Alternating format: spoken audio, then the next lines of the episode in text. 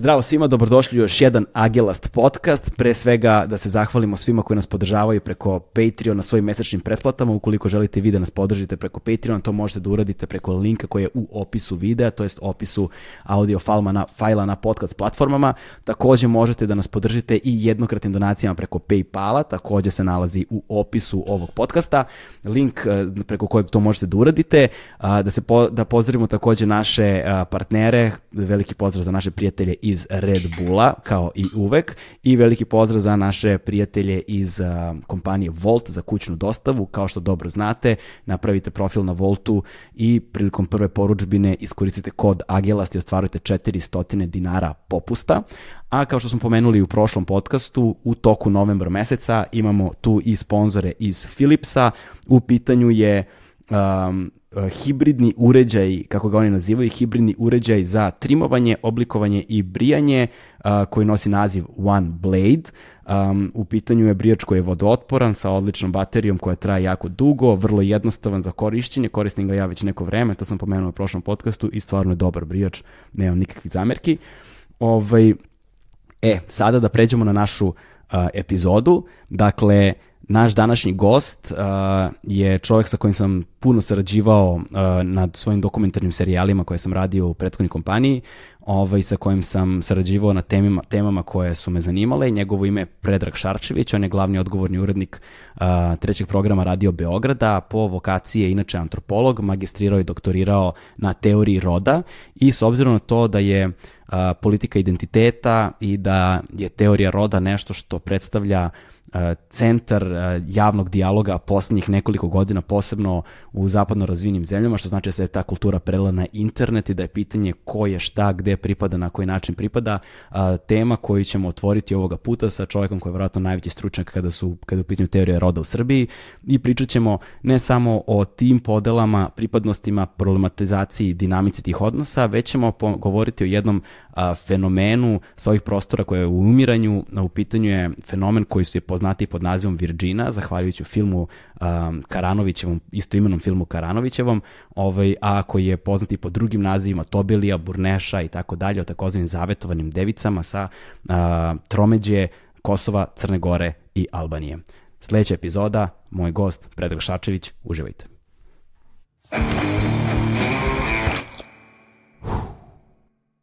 Hmm.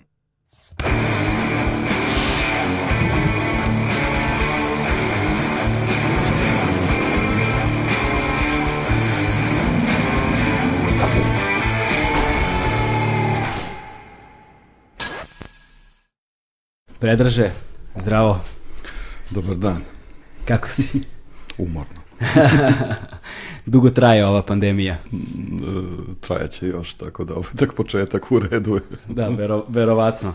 Ovaj, a, pre svega hvala ti puno ovaj, što, si, što si izdvojio vreme da dođeš u naš podcast. Ovaj, za one koji ne znaju ti ja se zapravo znamo dosta dugo i sarađivali smo na brojnim temama, uglavnom na ovoj jednoj velikoj temi koja će biti i danas tema ranije i u okviru dokumentarnog filma koji je zapravo zbog budžeta nije uspeo da dobije ono što je trebalo da bude, kao što se u velikom broju slučajeva u Srbiji nažalost dešava, ali barem ovde sada imamo prostor da pričamo ovaj, o tim temama malo temeljnije, kako ja mislim da u javnom prostoru nije dosta dugo e, bilo, ako se ikada govorilo na ovu temu ovoliko. Sad ja ti bolje znaš od mene.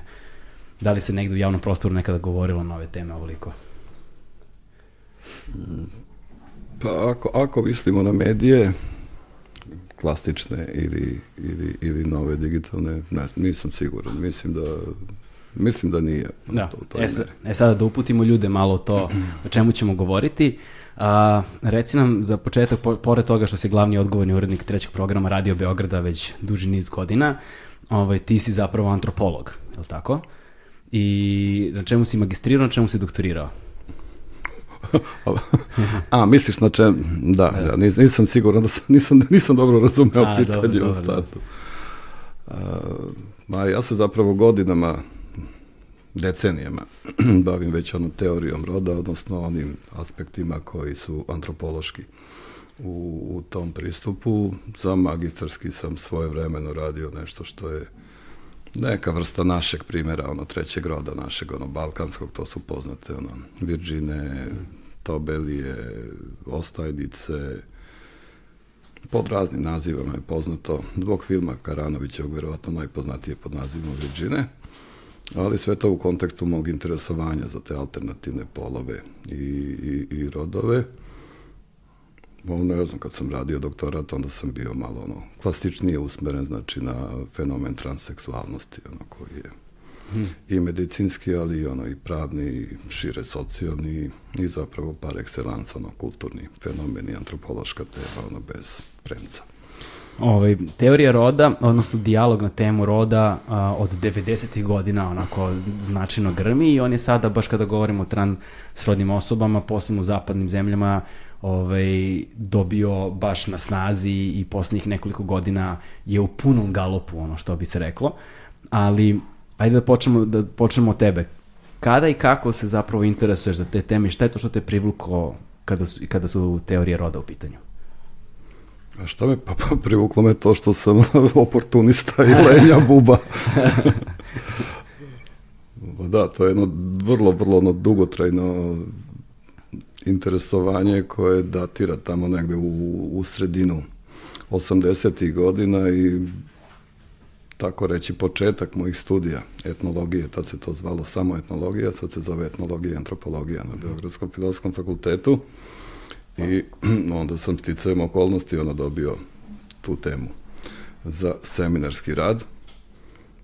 E, pa sam se kasnije zainteresovao smatrajući da je nešto što mogu veoma lako da razumem i da dam neki svoj kreativni doprinos budući da postoji veliki broj primera koje niko nije teorijski objedinio i obličio, obli, da, i obličio, što se kasnije pokazalo kao i velika kao velika zabluda, tako da posle pa 30 godina ono, bavljenja time, pa možda čak i više, meni zapravo se tu još uvek kockice nisu složile. A što se pokazalo? Sasvim kako treba. A što, što, što se pokazalo kao velika zabluda? Pa kao, kao i većina stvari u našem životu, kad čovjek želi prečicom da profitira. Da. E, ali jeste, sa šalu na stranu, to je jedan veoma, veoma ozbiljan i u mom slučaju to počinje od interesovanja za sisteme klasifikacije i za tu e, stalno ono iznova reproblematizovanu ono dijadu priroda, kultura, odnos između ove dve mm dve stvari. Svi mi smo ono ubeđeni, jel tako nešto, da je model po kojem mi živimo, način ono, našeg mišljenja, naši obrazci zaključivanja, naše sagledavanje stvari, naša tačka gledanja, da su apsolutno ono prirodni ili normalni pod navodnicima, ne uzimajući najčešće u obzir da se stvari mogu javljati u veoma, veoma različitim modalitetima, ono da vrlo često značenje zavisi od e, ugla iz kojeg neku činjenicu, pojavu, proces, šta god da je u pitanju posmatramo. I zapravo, eto, moja biografija je biografija jednog klasičnog, odnosno razvojni put jednog klasičnog ono, konstruktiviste, koji naravno nije toliko ono blentav, ono da odbacuje da postoje i prirodne činjenice, ali to šta je prirodno u prirodi, to je uvek stvar nečije konstrukcije i nečijeg pogleda na svet i nečijeg mišljenja. I na kraju krajeva ja sad govorim iz jedne vrlo sekularizovane pozicije, budući da sam agnostik, ali čak i iznad prirode postoji nešto za one koji nisu agnostici, koji su vernici, tako da, pa evo, mogu sad stvari da pređem odmah na jedan interesantan veoma primer – koji je veoma, veoma svež, da bih ilustrovao ovo o čemu smo pričali. Posle niza godina, zapravo više decenijskog nastojanja, da se, da se neke stvari, recimo, u medicinskom pristupu osobama koje kubure sa polnim identitetom ili sa rodnim identitetom, ja vrlo često koristim kao sinonime, mada nije nužno, e, u isto vreme pojavljuju se dve značajne činjenice. Jedna je da lekarska profesija odustaje recimo od klasifikacije transseksualaca kao e, psihijatrijskih slučajeva, odnosno transseksualnost je u poslednjoj reviziji međunarodne klasifikacije bolesti e, izbačena napokon iz odeljka o psihičkim oboljenjima. Kada se to dešava? To se dešava recimo početkom, krajem proleća, početkom leta prošle godine, 2019. Zaista? da. E, gotovo u istom trenutku rimokatolička crkva, dva vrlo, vrlo visoka e, verska, verska funkcionera, odnosno institucija koja se zove Katolička kongregacija za, za obrazovanje, e, obelodanjuje svoj dokument koji je potpisan, odnosno datiran na nekoliko meseci ranije. Znači, u nešto što je završeno u januaru, e, pojavljuje se u javnosti nekoliko meseci kasnije, gotovo u isto vreme kad i ova, kad i ova lekarska odluka biva i to na međunarodnom nivou ozvaničena i to jednostavno mora biti nešto više od koincidencije. E, kakve veze ima sa ovim, sa ovim prethodnim? E, lekarski najnoviji standard, znači donekle relativizuje tu moć tela, fiziologije, prirode. Uh -huh. e, u korist jeli ono kulture, pošto je sasvim očigledno da je do neke odluke došlo pod pritiskom aktivističkih krugova, boraca za ljudska prava, zagovornika i tako dalje i tako dalje. S druge strane, znači imate reakciju jedne takođe međunarodne institucije, možda i najznačajnije u, u toko, tokom zapadne istorije, jeli, u, u svetu, e, koja pokušava da reetablira taj poljuljani, ugroženi, zapravo pa možda čak i potpuno destruirani model, e, i da vrati dignitet ono prirodi, ali to nije priroda u ovom smislu u kojoj mi govorimo i o, o njoj i poznajemo je. To je neka vrsta ono nadprirode gde e, iza prirodnih činjenica zapravo stoji onaj prvi pokretač, ono njihov kreator. Tako da krećemo se zapravo u jednom veoma, veoma širokom rasponu od božanskih odluka do ljudske slobode i to na najindividualnijem mogućem planu. Znači, da. prema nekim ono apsolutno ono libertari, libertarijanskim zaključcima vi i ja smo apsolutni ono gospodari ono svoje sudbine, pa između ostalog ono kao i svoga tela i svog identiteta.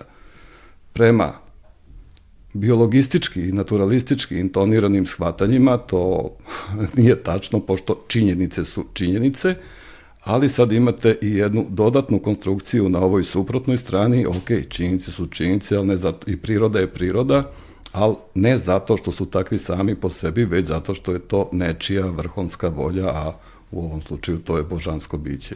Da, nekakav divinitet u suštini. Mm -hmm. Da. E sada, šta je to što su uh, objavili, šta je objavila Rimokatolička kongregacija? A, pa to ima...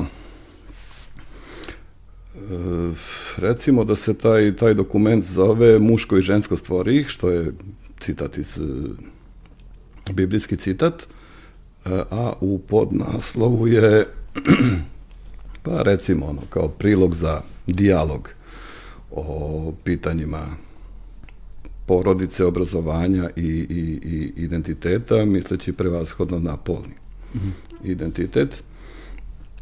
I to je vrlo lepo sublimiran i rezimiran jedan višegodišnji višegodišnji stav pa ajde da kažemo katoličkih teoretičara, ali nisu oni samo teoretičari, odnosno to je neka vrsta e, kritike onoga što oni zovu teorijom roda ili rodnom teorijom, koja navodno upravo zbog ovog e,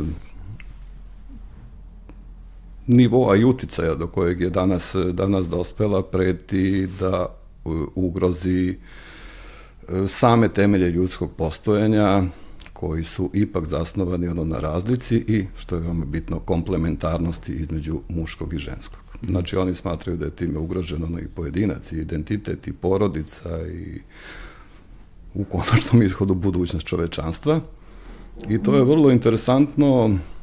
Recimo, aktivistički krugovi su ovu odluku e, medicinskog establishmenta obično ocenjivali e, rečenicom da je okončana jedna sramna istorija. Mm ja imam neprestano utisak da recimo kad ovi katolički autori pišu o tome, da oni zapravo mogu da iskoriste istu tu sintagmu sramna istorija, s tim što će ta sramna istorija da se desi tek u budućnosti, odnosno ta istorija u kojoj mm -hmm. neće postojati nikakva diferencijacija, razlika i mogućnost klasifikacije i opravdavanja pod navodnicima, kažemo ovo, opravdavanja društvenih uloga za koje imamo prirodne kapacitete, odnosno kao muškarci i kao žene. E sada, tu je, to, to govori sad o jednom ono, binarnim opozicijama, o jednom sukobu koji deluje nepomirljivo uh, na izgled, um, ali zapravo kako posmatramo kroz istoriju, rod je i ne samo na ovim prostorima, kada posmatramo globalno, kroz nekakve kulture koje su nam poznate, zapravo uh, rod je vrlo često fluktuirao od kulture do kulture i kroz istoriju kada posmatramo. Znači, recimo, ajde posmatramo sad u ovom konkretnom slučaju, recimo, judeo-hrišćanskom nasleđu, tamo Helade na ovamo, kako se rod zapravo i odnos prema rodu kretao. E, pa pazi ovako, ja ipak moram ovde da unesem ono male e, ograde. E, ovo sad ono deluje jeretički čak i za onaj krug ljudi u kojem se ja krećem i, i, i u kojem se možemo smatrati istomišljenicima, a to je zaista da iskoristim ovu crk, crkvenu sintagmu, je li ono kao to društvo okupljeno oko rodne teorije. Hmm. Ja imam utisak da se tamo negde ono još od pa od 80. godina da je taj pojam veoma, veoma kompromitovan mm -hmm. i da je zapravo pretrpeo jednu negativnu, negativnu evoluciju, došavši do toga da je esencijalizovan. Mm -hmm. rod. Šta znači rod? U srpskom jeziku naročito. Sada izađemo na ulicu, ono kao i da pitamo ljude ono kojeg ste roda, većina neće moći ono da ti odgovori ono to pitanje, neće da ga razumeju. Ono. E, svoje vremeno rod je nastao kao isključivo kao analitička kategorija i tokom nekoliko taj pojam imao je i tekako smisla. Šta znači, znači analitička kategorija? kategorija? To znači da je, da je jednostavno ono naš konstrukt. Rod e, kao ni pol, naročito posle Judith Butler, e, mimo značenja koje mi predaje, koja im mi pre, pridajemo, nemaju ono kao apsolutno nikakvu, nikakvu sadržaju. Za pol još možete, je li ono kao da tvrdite ono da ima nešto što se vidi, ali kad kažete rod, na šta se zapravo, napravo, zapravo misli dok ti objasniš ljudima ili da su to e, kulturološki aspekti ono naše ono telesnosti, naših fizioloških procesa, naših psihičkih procesa, ono pa to. Da. E, tako da svi ti ljudi koji se zaklinju u rod i opet ono naglašavam naročito u srpskom jeziku koji, gde, gde, gde je rod zapravo imenica ono koja je krcata drugim tradicionalno nasledđenim značenjima vrlo često može da bude, da bude zbunjujući To sad govorim je li ono na epistemičkom ono nivou. E, može da bude čak i moralno e, problematičan e, u onom trenutku kad se divinifikuje kao, odnosno divinizuje kao nekakva ono kategorija koja ima realnost sama po sebi. E, pri tome se zaboravlja da je reč o terminu, odnosno o, o distinkciji koja je zapravo potekla iz medicine. Mm -hmm. Znači ja sad ne mogu da se setim da li je Robert Stoller bio prvi koji je, koji je upotrebio ili neki, neki drugi autor, ali svakako znači treba ga vezati za psihijatrijsko nasleđe, tamo negde ono za, za rane 60. godine, kad on intenzivno počinje da uzima maha,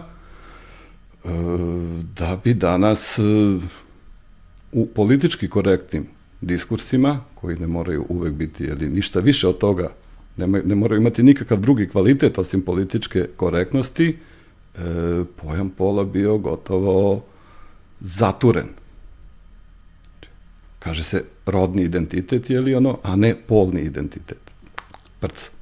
Izvinjavam da. se zbog ovoga. Jasno. e, I uopšte, uopšte, mislim, sigurno ćemo tokom razgovora doći do, do primera koji, koji zapravo razjašnjavaju suštinu tog nesnalaženja o kojem govorim, ali svakako, znači, dignitet e, imenici pol i pojmu pol e, se vratio sa Judith Butler, onog časa kad je Judith Butler ono je li tvrdila da je ne samo rod kulturni konstrukt, nego i pojam pola, takođe kulturni konstrukt, jer ne postoji pre nego što mu pridaš određeno značenje, onda je zapravo rod postao prilično suvišan i kao analitički pojam, a kao, kao analitički pojam, a kao ideološka poštapalica, on, boga mi, i tekako i danas ima, ima, ima ulogu s kojom ja nisam lično uvek, uvek saglasan. Ali to što ćemo ono sada pokušavati da i dalje pravimo razliku između pola i roda, a svesni smo jeli, već da smo mnogo toga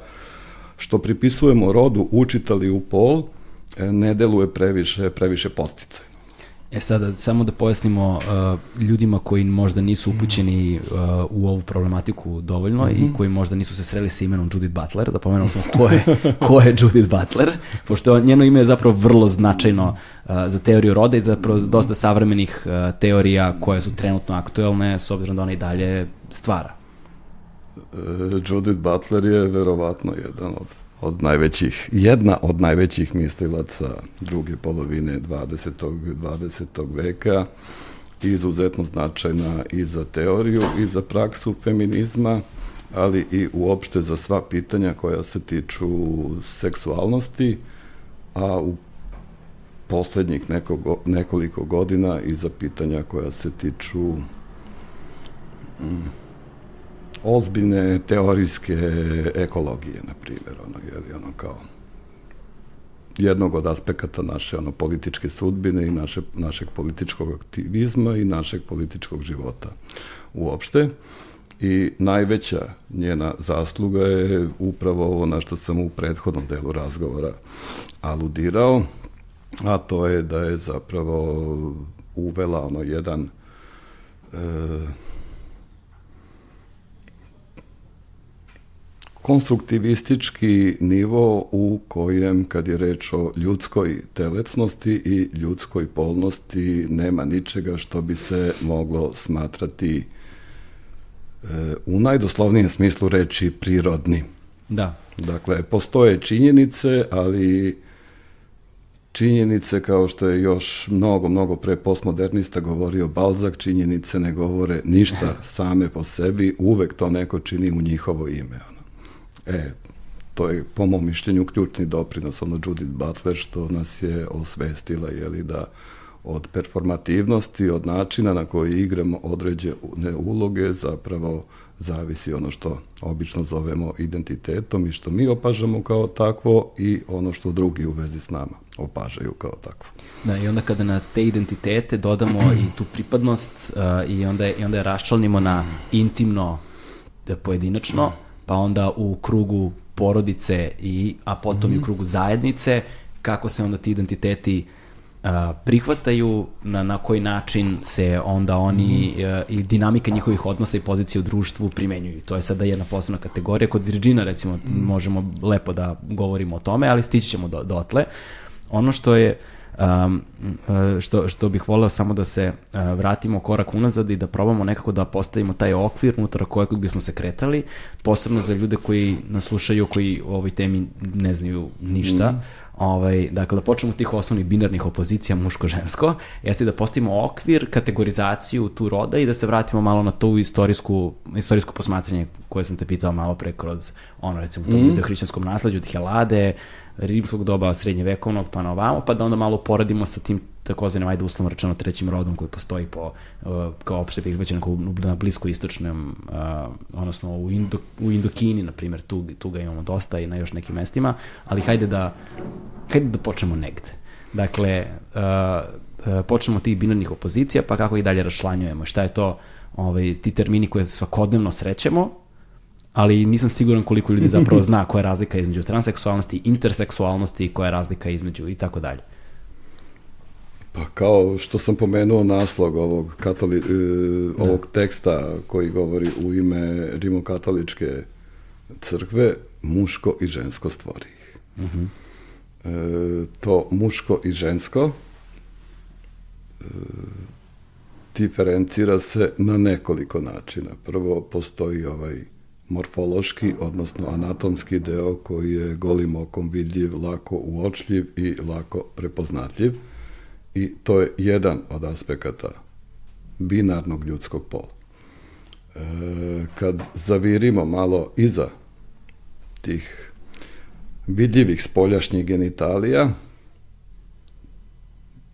pa i onih sekundarnih ili obeležja pola kao što su ne znam ženske grudi, ono različiti oblici karlice, e, različit stepen maljavosti i sve ono što vidimo golim okom, nekad se to širilo recimo čak i na dužinu kose, pa vi po dužoj kosi prepoznajete vrlo lako da je reč o ženi ili po dužim noktima ili po bilo kojem zapravo besmislenom kriterijumu. Da. E, e, iza toga svakako stoje nekakvi fiziološki procesi, odnosno neki nevidljivi organi kao što su e, jajnici kod žena i testisi kod muškaraca. Mm -hmm.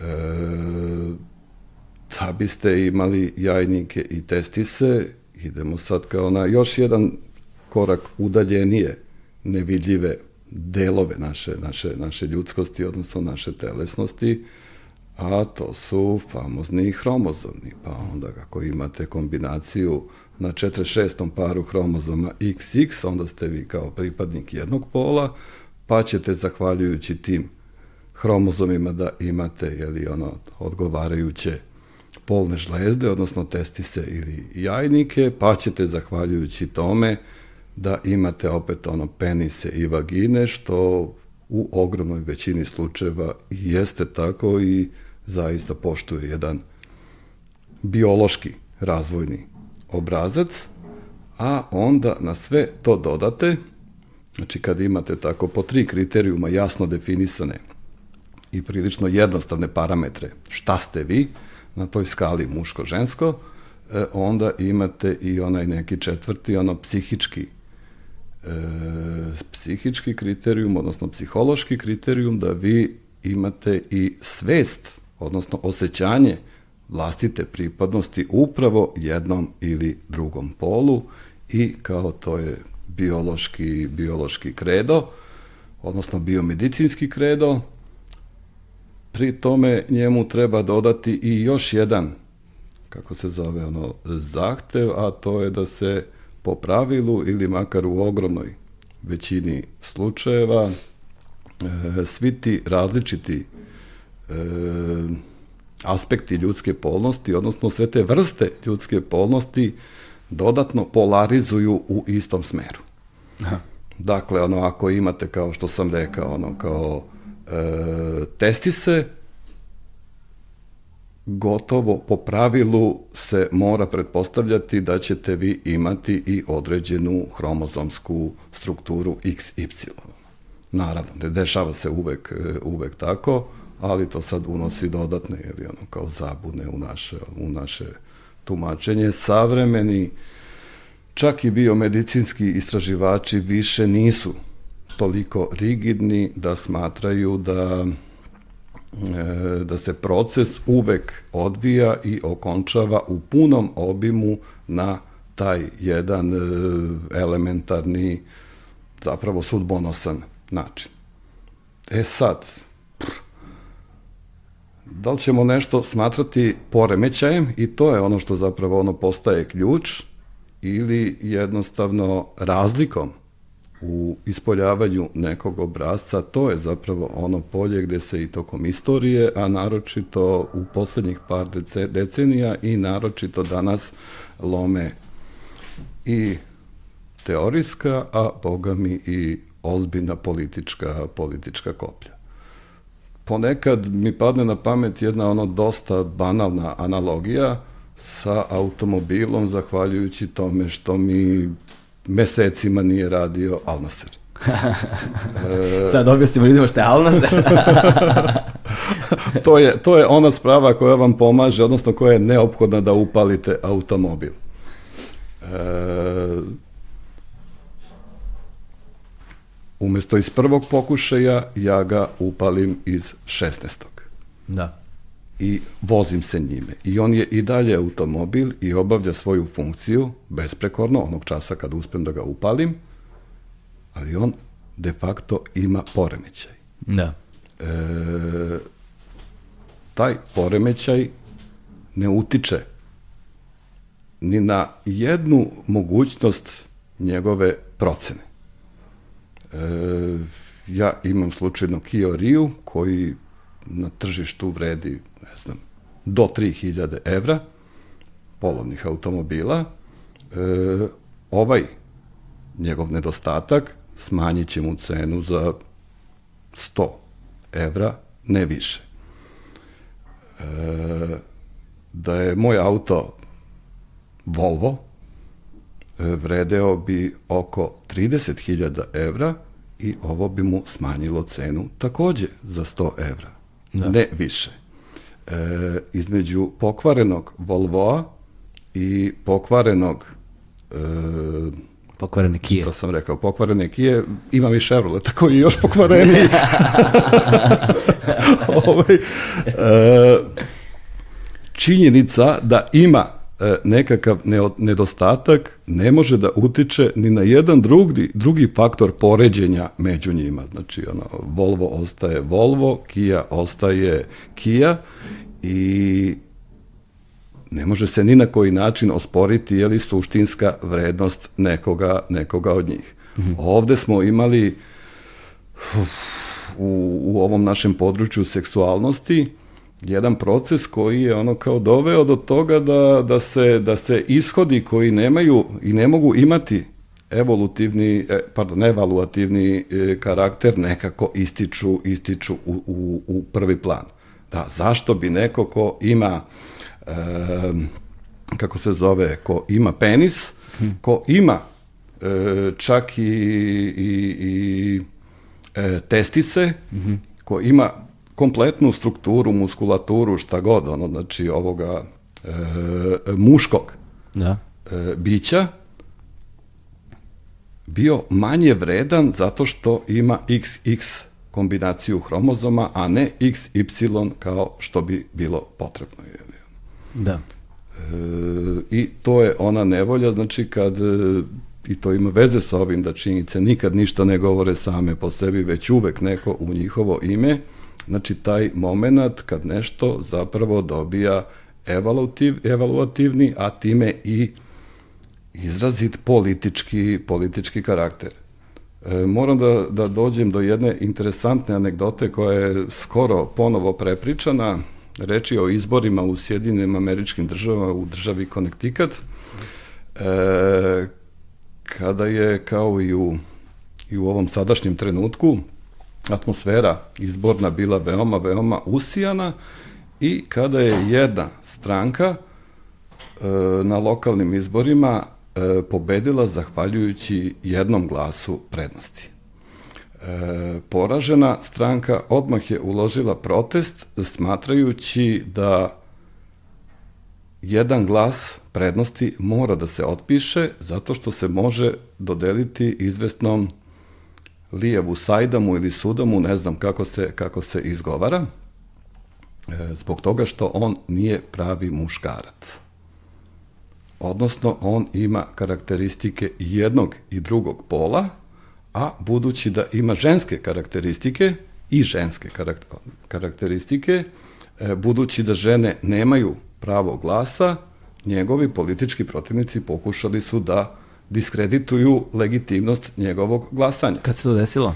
To se desilo 1841. ili 1843. godine, zaboravio sam. Dakle, to postoji kao dokumentovani slučaj koji ljudi mogu da potraže, da pogledaju, pročitaju. Da, da, da, da, postoji kao izuzetno dokumentovani slučaj i čak sam, čak sam bio, bio fasciniran da to je prvi put pomenuto u članku u časopisu Sciences, tamo negde oko 90 i, i, i krajem 90. godina, e, da su zapravo 150 godina e, kasnije e,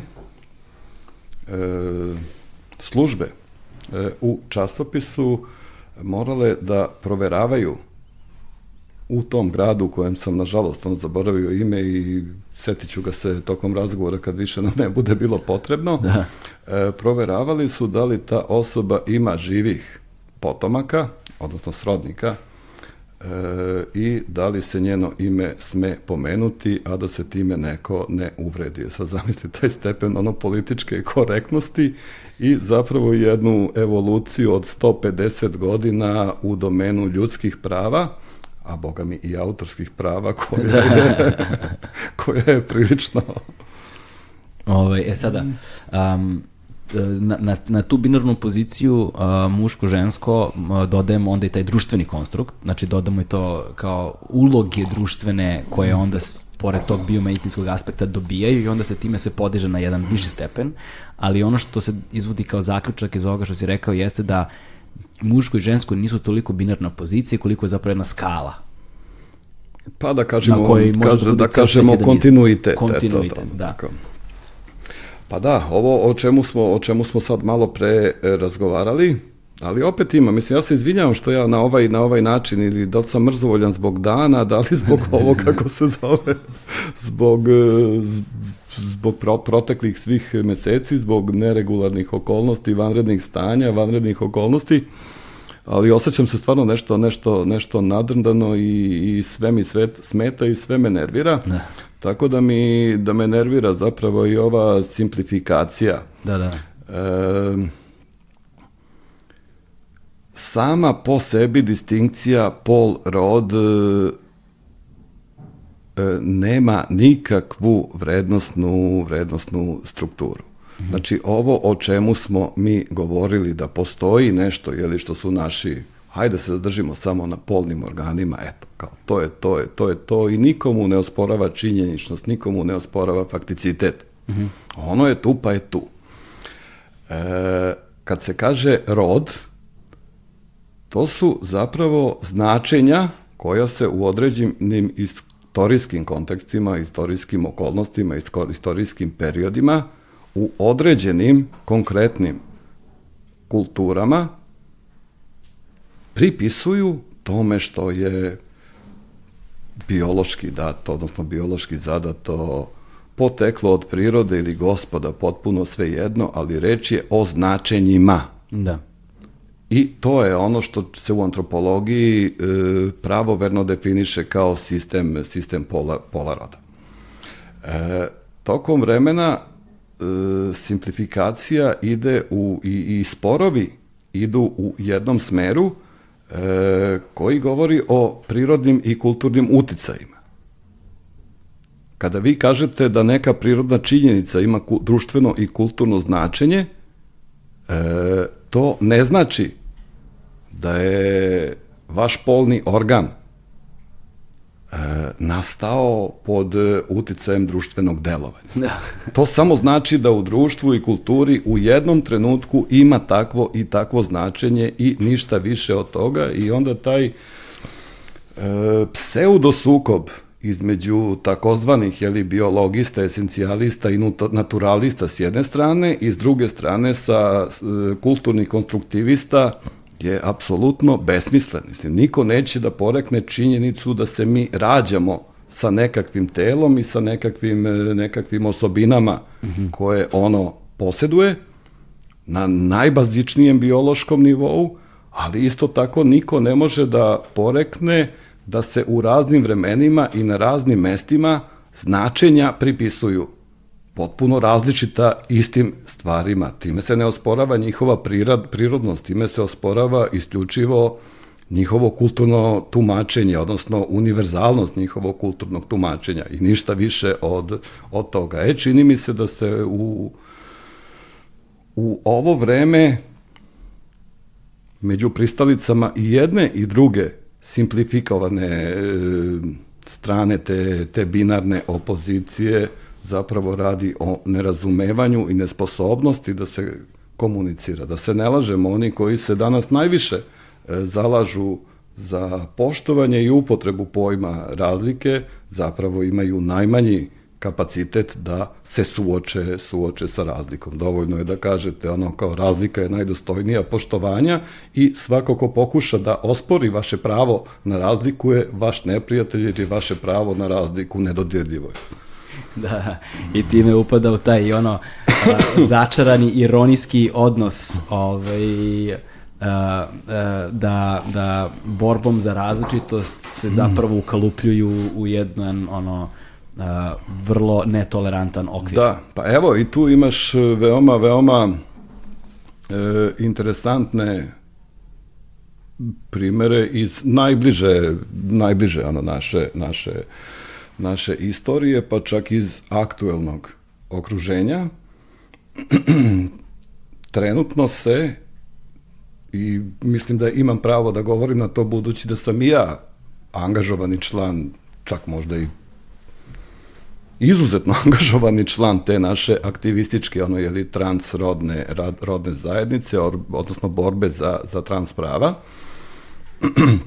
da proglašavate za e, zajednicu e, grupe, pojedince i grupe ljudi koji se suštinski veoma, veoma razlikuju. Koji se zapravo međusobno razlikuju daleko više nego što se bilo ko koja od tih grupa razlikuje od nas koji se možemo smatrati ili, ili se smatramo straight osobama. Mm -hmm. e, još tamo negde krajem 70. i početkom 80. godina e, za transseksualne osobe, dakle to su osobe koje imaju legitimno medicinski i pravno potvrđeno pravo e, da se ne osjećaju dobro u svom telu, odnosno da smatraju da njihova psiha, odnosno njihov identitet i njihovo telo nisu u skladu, da je priroda ili kogod napravio grešku i da su oni jednostavno rođeni, da je njihova ličnost rođena u pogrešnoj ljušturi, medicina i pravo dopuštaju da se to izmeni. Najpre je ono hormonskim, ono kao potom hiruškim putem, a potom i pravnom potvrdom promene i onda vi dobijete trans žene i trans muškarce. Odnosno one koji nisu dakle rođeni u telesnom obliku muškarca i žene, ali su ga u konačnom ishodu medicinske jedne složene ili manje više, danas već čak ne toliko složene procedure, dobili pravo da budu to.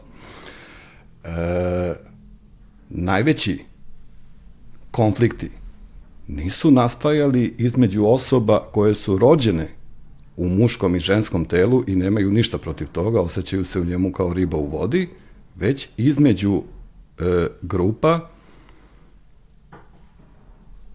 koje su u ovom ili onom obimu spremne da usklađuju medicinskim putem svoj pol. -hmm. I to je vrlo ozbiljan sukob. Zapravo najpre su se žene, e, osobe ženskog pola, izuzetno aktivne jeli, u borbi za, manifest, za, pardon, za emancipaciju, koja je prisutna u zapadnom svetu tamo negde od intenzivno od sredine 60. godina, e, onog časa kad su dostigle izvestan napredak i poboljšanje nivoa vlastitih prava, e, pobunile protiv nekih žena koje imaju drugačiju seksualnu orijentaciju.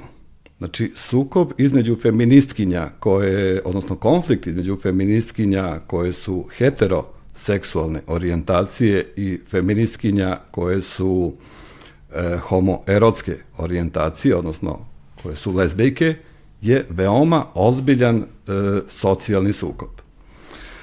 E, kada su se feministkinje lezbejke e,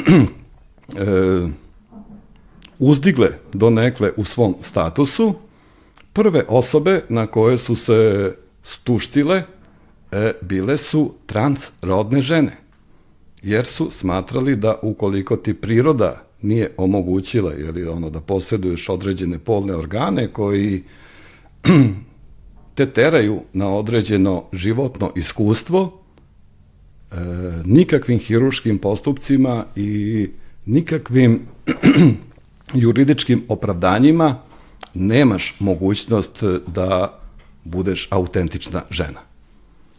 E, dakle, neko ko je do juče bio veoma libertarijanski opredeljen u tom nekakvom sukobu sa biološkim ženama koje se ispravno seksualno e, ponašaju, posle samo nekoliko godina, često čak i ne posle nekoliko godina, nego samo promenom konteksta i te agonističke jeli, ono, grupe sa kojom se suočavamo, zastupaju potpuno drugačije, odnosno konzervativnije, izuzetno konzervativne čak stavove, osporavajući nekom drugom pravo koje je njima samima do juče bilo osporavano.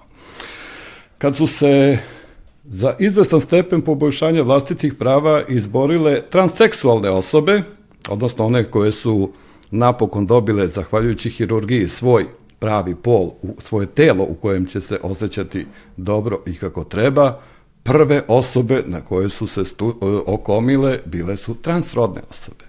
E sad šta su transrodne osobe? Transrodne osobe su najbliže ovome o čemu smo e, što si ti malo, malo pre pomenuo, znači to su osobe koje ne smatraju da postoje isključivo muško i žensko, već da se naši identiteti formiraju duž jedne široko e, rasprostranjene skale, gde zapravo idealni slučajevi muškog i ženskog i ne postoje osim samo osim kao ideali koji se nalaze na neke dve veoma udaljene tačke te duži, a da celokupna na ovaj ostali prostor ostaje slobodan za naše različite ono alternativne načine kombinovanja ovog i onog srodstva. I sad na primjer imate osobe koje smatraju da je sasvim dovoljno to što se one u muškom telu osjećaju kao žene ili obratno i da to ne zahteva nikakvu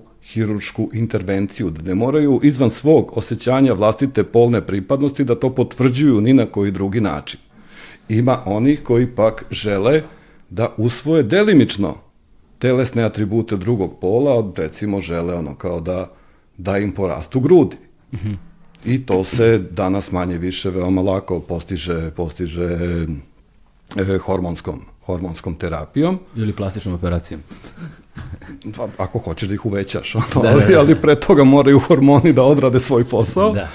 E, ima osoba koje ne žele, čak ne pristaju e, da se uklope ni u jedan od tih obrazaca. Ne žele, ono znači čak ni da imaju ne izgled, nego ne žele identitet ni jednog pola, znači smatraju se nečim između, smatraju se e, nečim što je upravo, kao što si rekao, fluidno, neodredivo, neuhvatljivo i proklamuju princip da zapravo e, binarna kategorizacija ne da nije prirodna, nego nije potrebna uopšte. Zašto svako od nas, ono, je li u, u doba divinizacije ljudskih prava ne bi imao pravo čak i na to ono je li da bude nešto što nije ni muško ni žensko nego nešto treće i zašto nema uopšte potrebu da ga određuje, da ga imenuje, da ga klasifikuje u, u skladu sa postojećim dosadašnjim šemama.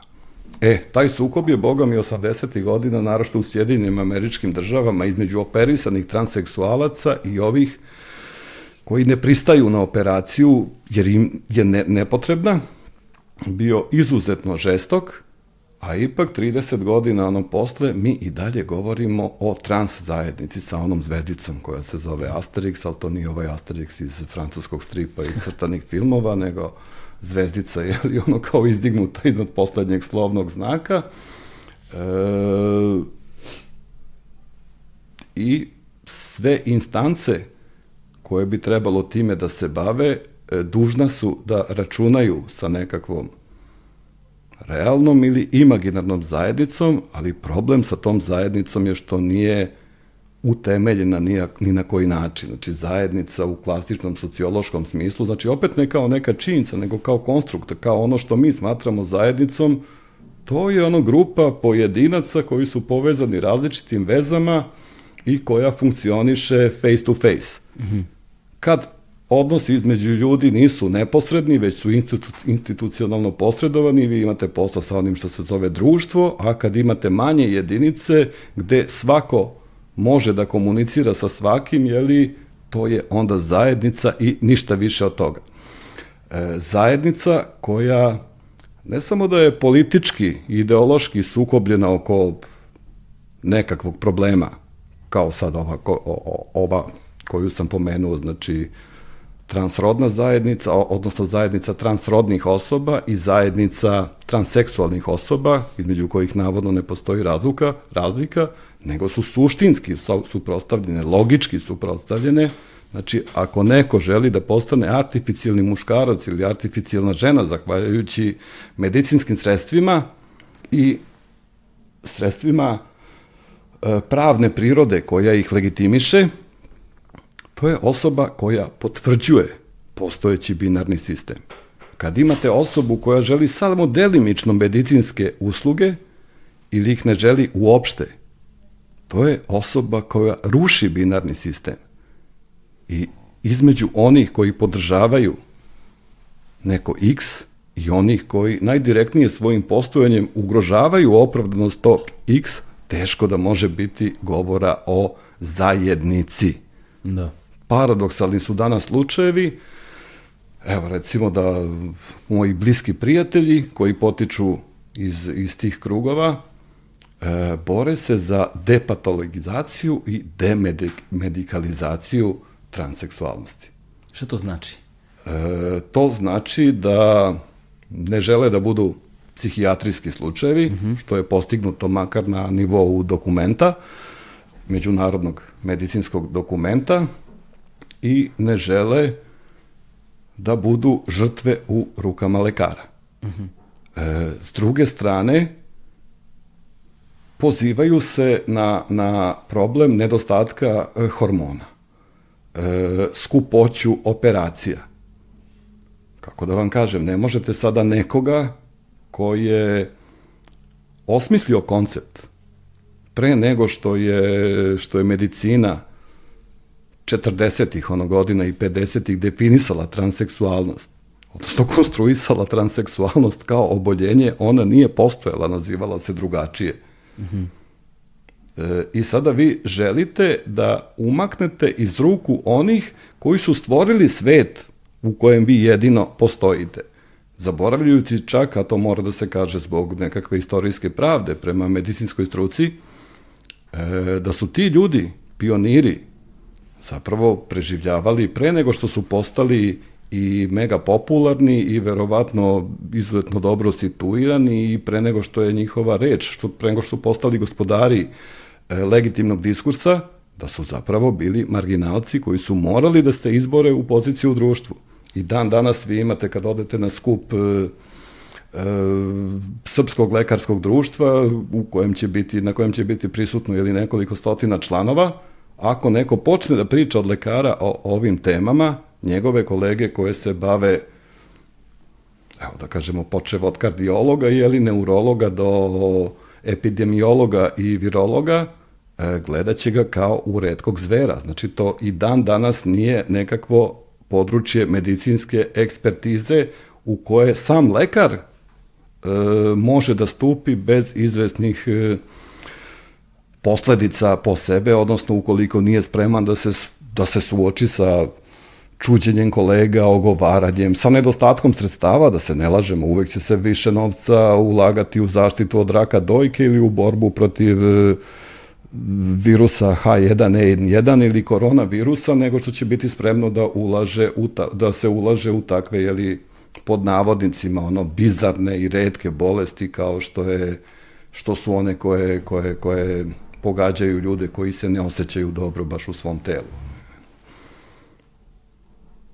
Nisam siguran sam dobro odgovorio na tvoje pitanje, udaljio sam se ne, malo, ne, ali ne, asocijacije su takve da, bile. Nema, ne, nema veze, uh, zapravo na ve, veliki broj načina jesi odgovorio a, problematizujući te odnose, jer problematizovanjem tih odnosa si zapravo uspio da raščlaniš a, koje su razlike među njima u onome što je u savremenom kontekstu danas. E sada, kada bismo se vratili na ovo podneblje ovde, na podneblje Balkana, to je da kažemo, uslovno rečeno, zapadno-balkansko polostrvo, pa onda ovaj deo malo južnije, dakle, govorimo o Tromeđi, ovaj, Crna Gora, a, Kosovo, Severna Albanija, i ako govorimo i takođe mislim da je i na području -hmm. Bosne i Hercegovine bilo prisutno svoje vremeno, sad ne znam kakva situacija trenutno tamo.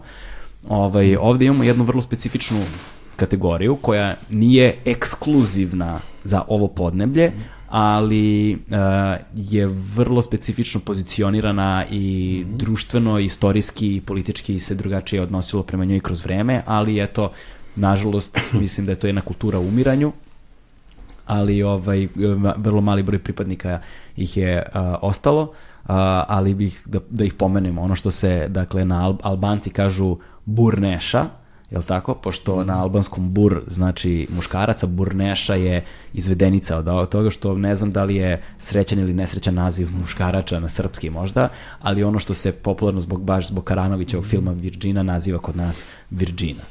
Ovaj, a, hajde nam daj malo kontekst toga ko su i šta su uh, Virgine i nekakvu ono genealogiju, nekakav istorijski ono razvoj uh, tog pojma i, on, i, njihovog, i, i, i njihovog razumevanja u našem društvu.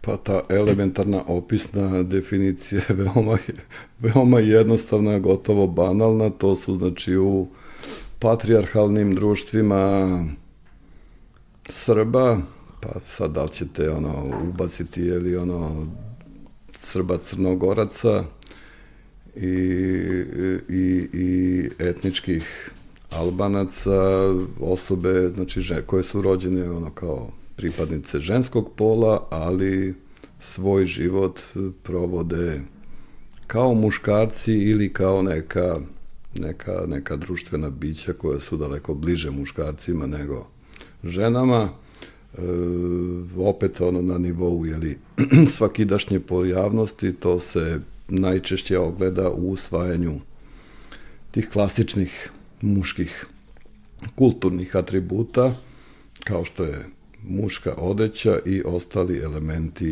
izgleda i u nekakvoj ajde da kažemo, ipak još uvek ono bližoj prošlosti i upotreba, upotreba oružja. Mm -hmm. Dakle, ta vrsta kako bi rekao jedan veliki mikrosociolog Harold Garfinkel, ta, ta, ta neka vrsta kulturnih genitalija u njihovom slučaju ne odgovara ovim biološki zadatim genitalijama. Sa neki period od, hajde da kažemo, 60. godina, 60. godina de, 19. veka pa do dana današnjeg, tu može da se nabroji nekakvih, recimo, ono, između 150 i 180 zabeleženih, ponekad i delimično opisanih, a ponekad zapravo samo pomenutih slučajeva. Neki od njih si i sam upoznao trenutno na, na, na području severne, severne Albanije i to bi bilo u stvari, u u stvari to 180 e, ili da kažemo 150 slučajeva ili 200 ili čak ono i 300 na period od 150 godina pa čak i, i, i nešto veći od kad imamo nekakve te dokumentovane prve validne, validne pomene i nije baš neka, neka količina koja je koja bi statistički bila značajna, ali u, ovim, u ovoj vrsti istraživanja koja nisu kvantitativna, kvantitativna već, već kvalitativne prirode, zapravo bi i mnogo manji broj slučajeva za koje znamo nam davao u pravu da tu postoji nekakva kulturna osnova ono za nešto što bi bilo ajde da kažemo alternativni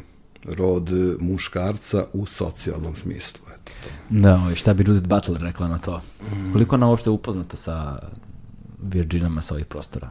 u njenoj klasifikaciji, da li je? Ja nisam siguran da da se Judith Butler i ikad o tome izjasnila da. iz bilo kojeg razloga.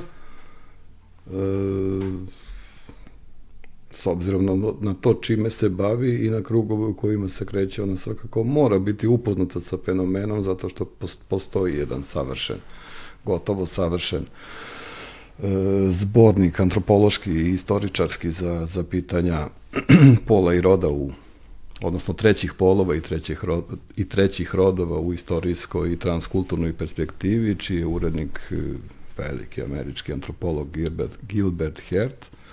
E, gotovo da je sasvim sigurno da se oni Judith Butler i lično poznaju, ali svakako se poznaju preko svojih radova. Mm. Tako da ona je garantovano upoznata s njim, ali ja lično ne znam da se ikad o tome izjasnila u bilo kojem od svojih tekstova ali na osnovu onoga što je ona pisala o drugim stvarima, zapravo naše Virđine ili Tobelije ili kako se u poslednje vreme, znači taj termin e, koji si ti malo Burneša. prepomenuo, Burneša, on se pojavljuje vrlo, vrlo skoro u uglavnom medijskim izveštajima o tom fenomenu i e, jednostavno nije, nije koliko ja znam vezan za taj, ako postoji nešto što bi ovde bio klasični period razvoja jedne institucije, mislim da su i oni tada koristili zapravo ovu e, albansku verziju izgovora pojma Virgina, koju ja sada ne mogu ono da reprodukujem, ali piše se Virgineshe e sa one dve tačke, ono na, pretpostavljam da, to, da je to Virgineša, da se tako da se tako čita i nema tu ničega čudnog, to je zapravo termin koji ukazuje na devojku. Mm -hmm. E sad, mi smo malo zaboravili da u e, arhaičnijem diskursu devojka i devica su sinonimi. Znači, ne možete biti devic, devojka, ne možete biti nazvani devojkom ako nemate ono taj e, prerogativ da ste, da ste seksualno čisti, odnosno netaknuti. E, A ovo, ovo burneša, etimološki, ono to bi pre bio, bio postoji mnogo muškarača izvan e, osoba koje su, koje su virđine. Mm -hmm. Ja sam čak ono, u Crnoj Gori sam upoznao samo dve virđine pred kraj njihovog života, ali sam u njihovoj, u toj sredini upoznao veoma mnogo e, muškobanjastih žena koje sa virčinama nisu imale nikakve e, veze ni po samopercepciji, niti po percepciji svojih komšija, rođaka, suseda, pa čak ni nas, gostiju, da. jeli, da. u, tom, u tom kraju. E,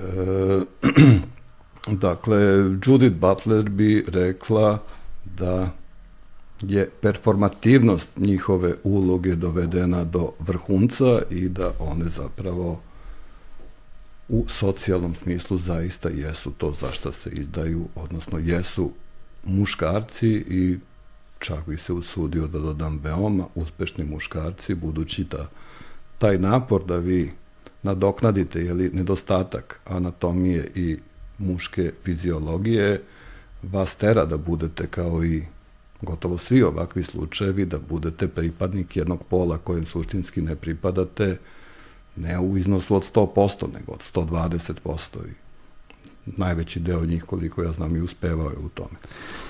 E sada, to deluje kao da smo time pokrili sve, ali zapravo nismo ovaj, ni, ni, ni, ni dotakli, jer s jedne strane, Virgine mogu da budu veoma dobro gledalo našeg društva, s obzirom to da one postoje unutar patrijarhata, ali onda da bismo mogli da razumemo njih, da bismo mogli da razumemo pod znacima navoda motive, mi moramo da razumemo i nešto što se zove agnatsko pravo, je tako?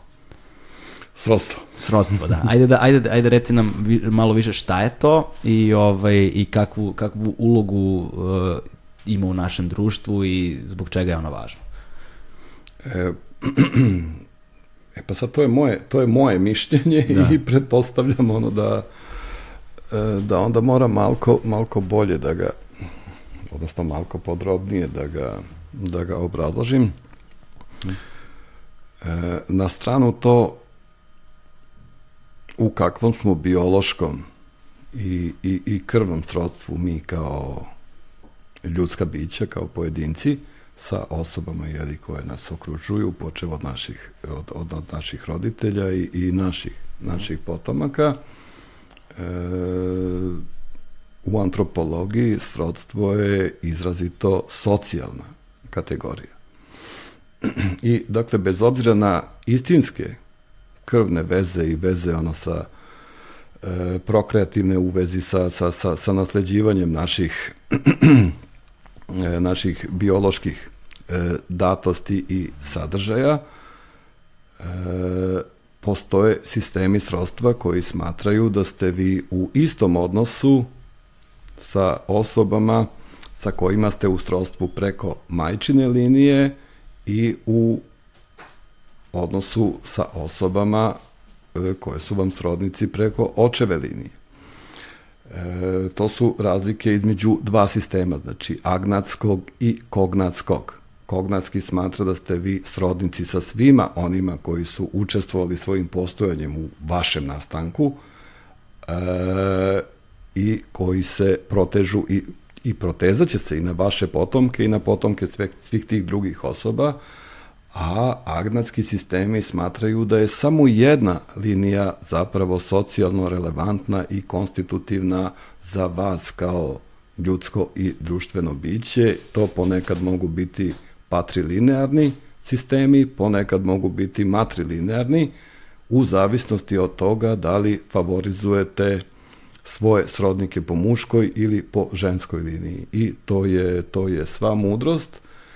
Kad je reč o e, našoj i ajde neću reći ni srpskoj ni crnogorskoj, reći ću o našoj slovenskoj e, slovenskoj kulturi i, i odnosno tradicijskom društvu i albanskom tradicijskom društvu koje se u jednom istorijskom periodu na određenom terenu koji si ti malo pre vrlo jasno ocrtao zapravo podudaraju i gotovo ni u čemu, ni u čemu ne razlikuju, to su ti posled, poslednji ostaci plemenskog rodovskog uređenja u modernoj, modernoj Evropi.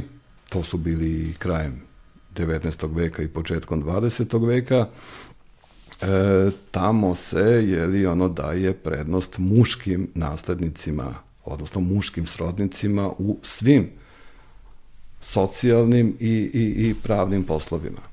E, takvi sistemi, budući da, da se ne samo različito vrednuju dve vrste srodnika, bioloških srodnika, već i dve vrste bića, odnosno sam si rekao, patrijarhat, dakle sistem, socijalni sistem, socijalno-istorijski sistem koji favorizuje muškarca i diskriminiše ili makar ono detronizuje ženu, e, ima strukturalni nedostatak, znači onog časa kad e, u jednoj maloj srodničkoj jedinici, ono što bismo danas nazvali jeli, nuklearnom porodicom, ukoliko ne postoji muški potomak, e,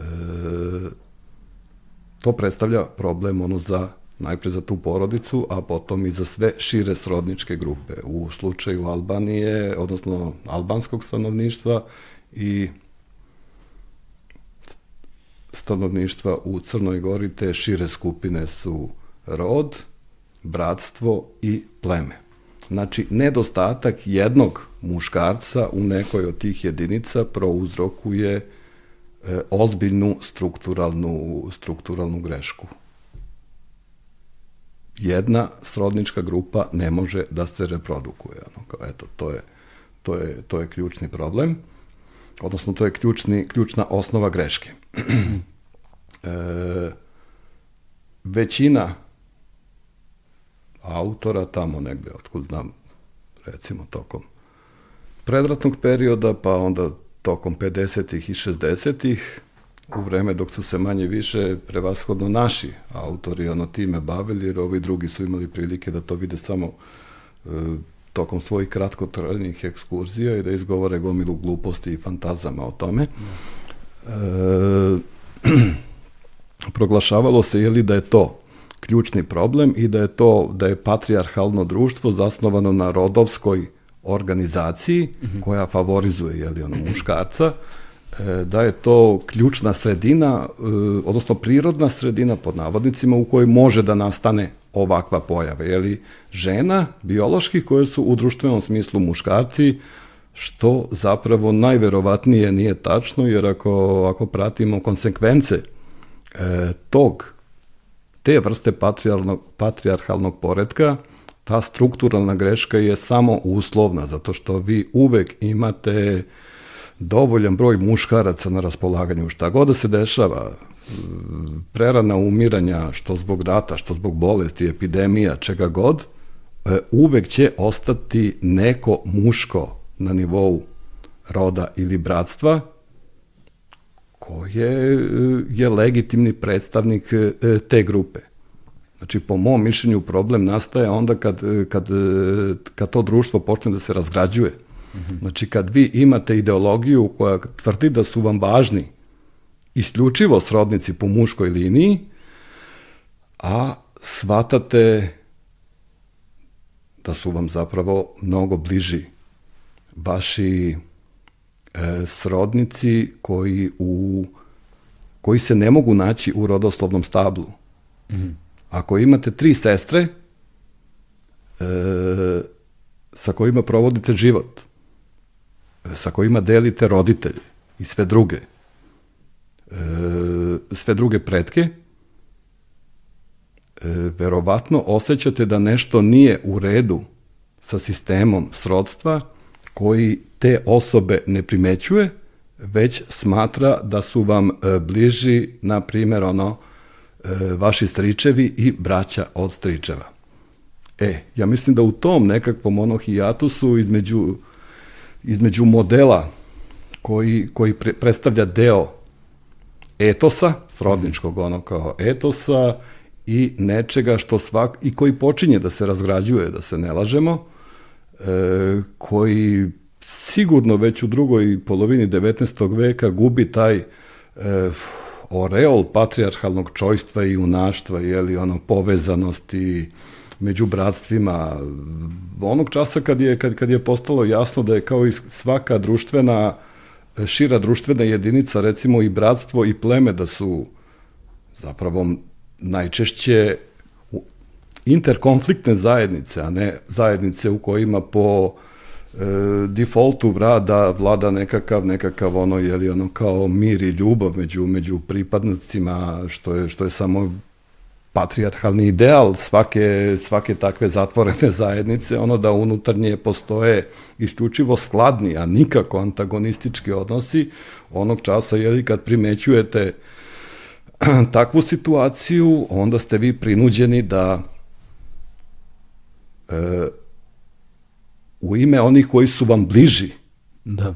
kojeg god da su, da su pola, napravite neku vrstu simboličke substitucije za ono što nedostaje, a to je muškarac. Naravno, i ovde se pokazalo na nekim primerima e, da upravo zbog tog kolebanja etosa, jednog koji polako iščezava i jednog koji se gradi, ali još nije nastao, da odnosno još se nije, nije konkretno uobličio, da jednostavno taj sukob između, hajde da kažemo, običajno pravnih normi ono, i, i standarda i onih koje unose recimo savremeni građanski zakonici, e, da tu vrlo često dolazi, dolazi do, do kolizije, to se nažalost ne može baš prevelikim brojem poznatih primjera dokumentovati, ali Jedan primjer je dovoljan da sugeriše da postoji ono nekakav princip, te recimo kad je jedna od poznatih, zaista poznatih crnogorskih virđina, Izvini, samo približi malo sebi mikrofon. Mm -hmm. ne, pri, ne, ne, ne, samo ga približi celu ruku sebi, eto. Mm -hmm. e, koja je izmislila jednu fantastičnu konstrukciju da dođe do muškog naslednika, time što je od jedne od svojih sestara koje su udate i imale potomstvo, uzela jedno dete, odnosno uzela je jednog od svojih sestrića, mm kojeg je podizala sama, kao da mu je ne tetka, što u našem zvaničnom sistemu srodstva jeste, nego kao ujak, mm -hmm. e, sa idejom da nasledi celokupno njeno imanje, odnosno imanje njenoga oca. Da. E, Šipak, ono, posle njegove smrti, budući, posle, smem da kažem za tu osobu, zvala se Drko Memić, mm -hmm. Nurija Drko Memić i zaista je bio 120% muškarac.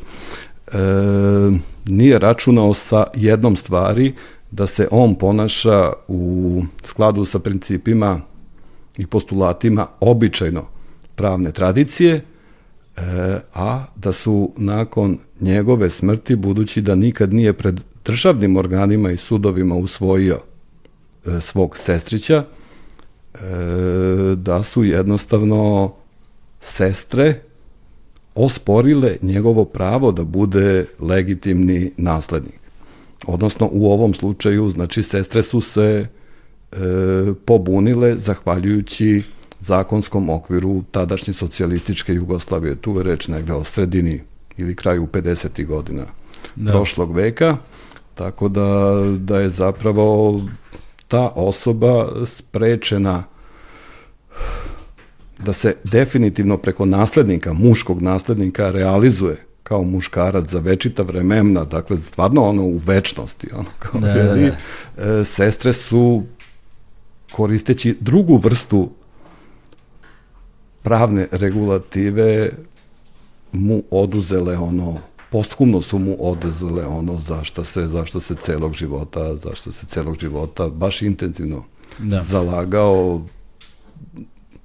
preporučujem svakome, može se naći ono na više mesta priča o Nuri i Drku Memiću i šteta što, što u to vreme pojavljuje se čak i u jednom, čini mi se, filmu, ali na kratko, jednom dokumentarcu Žarka Pešića tamo negde iz s početka 60-ih, valjda, ili kraja 50-ih, ono, ne sećam se. Zanimljivo vrlo, Rousseau mislim da je definisao ovaj, e, da je civilizacija nastala onog trenutka kada je prvi čovek obeležio parče zemlje i rekao ovo je moje. I da zapravo celokupni, celokupna dinamika ljudskih odnosa proizilazi mm -hmm. iz toga, s jedne strane. S druge strane, zanimljivo je način na koji se posmatra... Izvini, mislim da nije morao da ide daleko do parčeta zemlje, mogao je da se zadrži na vlastitom telu. Onaj koji je prvi put ocrtao svoje telo i rekao ovo moje uradio je to što mu Ruso da. pripisuje. Tako je. Ovaj, a zanimljivo je način na koji se zapravo posmatra, ovaj, kad posmatramo grčku mitologiju, ovaj, i kada, kada u rečniku uh, grčke i rimske mitologije posma, pronađemo Hermafrodita, uh, ovaj, onda, onda shvatimo da je on bio posmatran, i sad on, ipak ostaje on, bio posmatran kao božanstvo, on bio je, bio je sin Hermesa i Afrodite koji je bio podjednako lep na oca i na majku i onda dobio ime, jel te, Hermafrodit. Ovaj, I onda se tom jezeru negde istorijski sad u okolini Bodruma, čini mi se, kada se um, ovaj, um, kako se zovu ove nije muza, nego nimfa jedna iz jezera mm -hmm. zaljubila u njega, dok se ono gledao, po, po, zamala je Zevsa, jel te, da, da, da ih spoji nekako, i onda on kad je ušao u jezero se okupa, on je gađao munjom jezero i onda je on izašao, njih dvoje su se spojili zapravo u jezeru i on je izašao iz jezera mm. sa karakteristikama muškarca i žene, ali kao ipak identiteta kao muškaraca na neki način i, i, i u, u staroj Grčkoj je to zapravo bilo posmatrano kao božanstvo. Je zapravo neko ko nosi karakteristike oba pola, ovaj, uh, di, bilo divinizovano biće. Zato što je imalo prednost u odnosu na, uh, na, na, na nekoga ko je pripadnik tradicionalno posmatrano tih binarnih opozicija muškog ili ženskog. Kada posmatramo mnogo godina kasnije, uh, vidimo da postoje brojni sukobi, jer to govore o toj političkoj dimenziji ovaj, odnosa prema tim stvarima. E sada, a, zanimljivo je da ti pomenuo su to materijalno kulturno nasledđe, ono materijalno nasledđe da govorimo o konkretno imovini, ne znam, nekakvom posedu, nekakvom bogatstvu, da li novčano, ovako ili onako, ali tu postoji nekako nematerijalno kulturno nasledđe, koliko sam razumeo. Tu postoji ono pravo nasledstva slave ili drugih, dru, drugih nekih stvari i postoji jedna odnos i dinamika u društvu, ali tu postoje takođe, kod Virgina govorimo, tu postoji sad i jedan mali onako, ovaj, da je to jedna kapija kroz koju se beži zbog represija unutar samog društva. Uh, ta teza je uh, o nekoj vrsti, jeli, slika Virgina kao nekih proto-boraca za žensku emancipaciju je danas veoma prisutna koliko se ja sećam, posle tvoj prilog o, o, o, o savremenim albanskim virđinama, televizijski, da. televizijska da, mi smo išli reportaža. Zapravo, mi smo išli zapravo potragu za najmlađom mm. živom, da vidimo šta je to što virđine danas čini Virginama? Zašto bi neko od 30 godina bio Virgina 2020. godine? E, zato što postoje ne samo Virgine od 30 godina, već postoje i to pokazuje jedan dokumentarac albanski, u albanskoj produkciji, ne znam tačno koje, koje televizije ili koje, svakako je televizijski, televizijski projekat, e, gde su u centru pažnje jedna Virđina i jedna mlada urbana žena iz Tirane koja upravo iz ovog razloga, jeli, što su Virđine borci za žensku emancipaciju i što su zapravo prve emancipovane pojedinke unutar albanskog društva, ono navodno e, životna želja te mlade žene koje ništa ne fali apsolutno ni u mentalnom, ni u fizičkom, ni u bilo kojem drugom pogledu, ni obrazovanja i ne manjka ništa, njen životni san je da upozna Virginu. Ono, je, da. I film prati je li taj tok, pošto je delimično ono kao i režiran i to je zapravo jedna isprazna i besmislena ono apsolutno priča gde su gde je najrazumnija i najkoherentnija logički osoba baka te glavne junakinje koja traga za Virginom, koja se ponaša baš onako kao što i treba. Prema tome uopšte me se to ne tiče, ne vidim tu ništa ono vredno, vredno pažnje.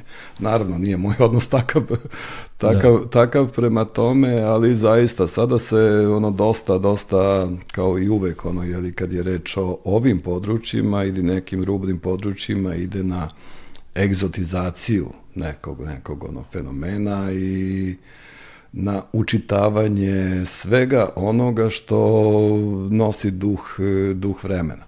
Tako da zapravo naši pristupi, ja uopšte ne bežim od toga da je i moj uh mhm. -huh. takav, e, ipak mnogo više govori o nama, autorima. Pa sad da li potičemo iz ove, jeli ono kao akademske sredine ili iz medijske sredine, ali u najboljem slučaju, bar koliko je meni poznato, ono što govori o samim Virginama i ono što govori o nama kao interpretatorima, istraživačima, to je negde onako egal 50-50, a nažalost u većini medijskih prikaza i popularnih prikaza toga vrlo malo ćete naći elemenata za razumevanje samog fenomena, ali ćete naći mnogo elemenata za razumevanje recimo ono kao medijske produkcije koja mhm. se, koja se time bavi i razumećete mnogo bolje svoje vreme i njegove paradigme nego ono čime se navodno bavi nekom autentičnom pojavu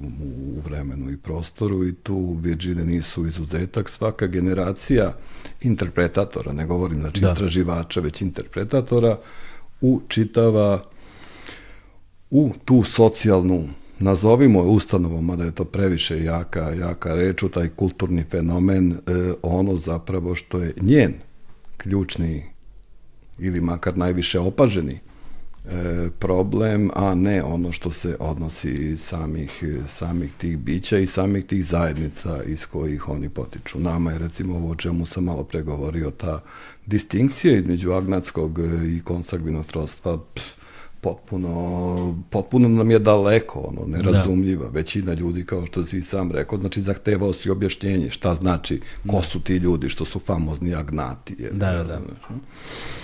Tako da ne bih, ja svakako ne bih, ne bih ih e, dovodio u vezu ni sa kakvom libertarijanskom ono tradicijom, mm -hmm.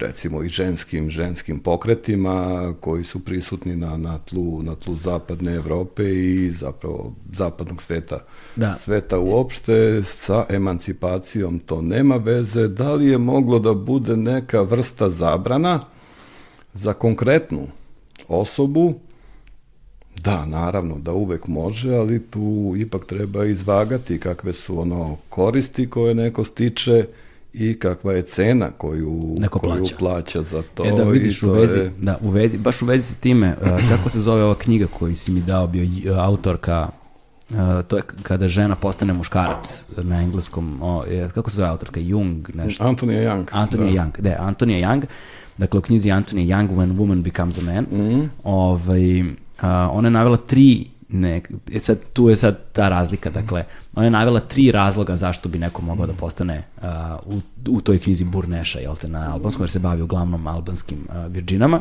dakle, uh, u, u, koje u odnosu na, recimo, ono što je popularizovano kroz Karanoviće film. Dakle, kroz Karanoviće film se govori isključivo o tom uh, agnatskom, o tom uh, patrijarhalnom, o tom... Nedostatku muškog ne, ne, potomka. Tako, nedostatku muškog potomka, te se jedno žensko uzme i sad ćeš ti da budeš muško.